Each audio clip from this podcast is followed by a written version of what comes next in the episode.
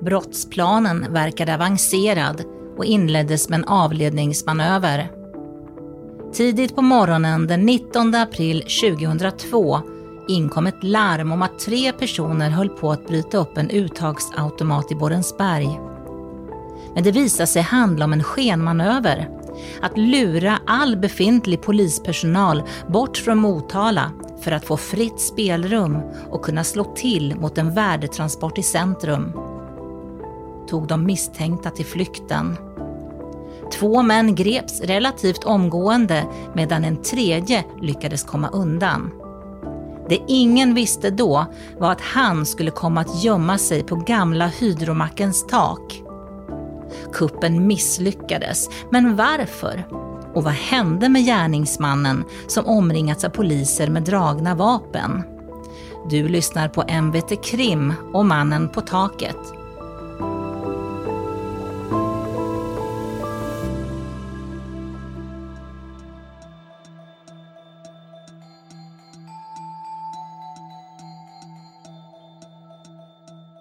Krimreporter Maria Biamont har grävt i arkiven och tittat närmare på fallet som ledde till ett stort polispådrag i Motala den där vårmorgonen 2002.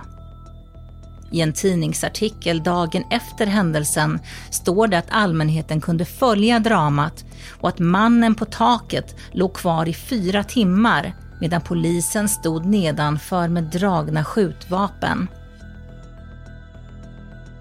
Det här var ju en tid då det begicks väldigt många värdetransportrån i Sverige. Jag tyckte att det var intressant att det även spillde över till Motala. Men var det också någonting du reagerade särskilt på att det faktiskt kunde hända även i en mindre kommun, en mindre stad? Alltså, värdetransportrån skedde ju lite överallt på den här tiden. Så att eh, egentligen inte, men det var mer att jag inte visste om att det hade hänt i Motala. Kan du beskriva den här platsen, var den här macken låg? Ja, när jag tittar ut genom redaktionens fönster idag så ser jag ju den här platsen. Eh, det är ju en nerlagd bensinstation som har gjorts om till parkering idag.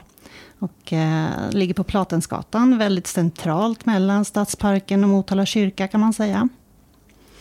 Eh, så det var ju mycket människor i området och alla förstod ju inte riktigt vad som var på gång. Eh, I en artikel så beskrivs till exempel en dagbarnvårdare som var på väg till lekparken och hon blev ju väldigt rädd när polisen uppmanade henne att ta med barnen därifrån.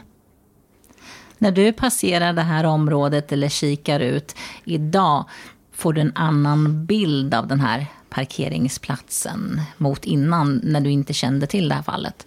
Absolut, jag har inte tänkt egentligen på den här macken på, på så sätt. Eh, kanske inte ens eh, lagt märke till den. Jag vet att den finns där, men inte mer än så. Gör du det idag?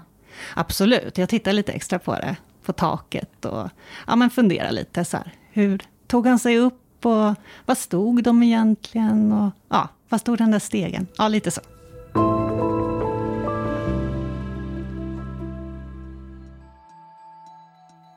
Av tidningsartikeln framgår att mängder av nyfikna personer samlades för att följa händelseförloppet vid macken. Polisen ska ha gjort sitt bästa för att få allmänheten att förstå allvaret i situationen. Men avspärrningarna ignorerades gång på gång och polisen fick vid flera tillfällen ryta i ordentligt för att stoppa cyklister och fotgängare som klev rakt över avspärrningarna och vidare mot macken. Polisen underströk också att det inte var ofarligt att befinna sig i närheten av platsen. De sa bland annat, det är stor risk för skottlossning.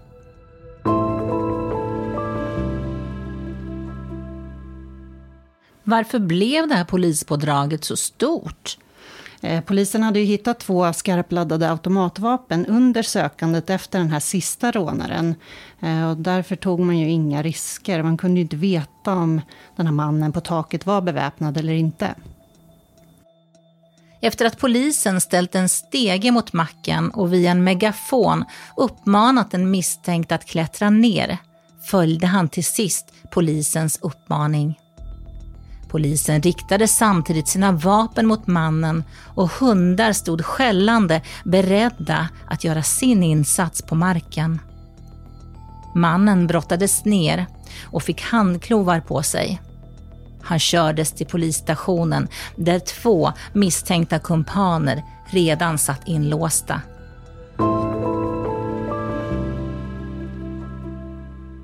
Det var ju alltså ett planerat värdetransportrån som inte blev av. Varför? Under rättegången så sa ju en av de här männen att han hade fått kalla fötter och han hade blåst av den här kuppen. Eh, Motalapolisen de funderar naturligtvis på om det fanns andra skäl. Eh, till exempel ett pågående gatuarbete i centrum som den här rånarligan inte hade tagit med i beräkningen. Har du kunnat få fram hur de här männen dömdes? Ja, absolut. Eh, två dömdes till fyra års fängelse för förberedelse till grovt rån. Och eh, den tredje, han friades helt i brist på bevis.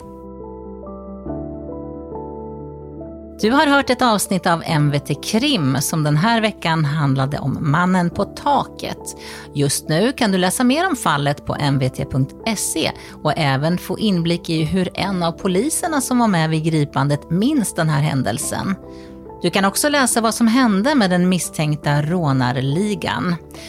MVT Krim är en podd från Motala Vadstena Tidning och görs av mig, Rita Furbring och Maria Biamont.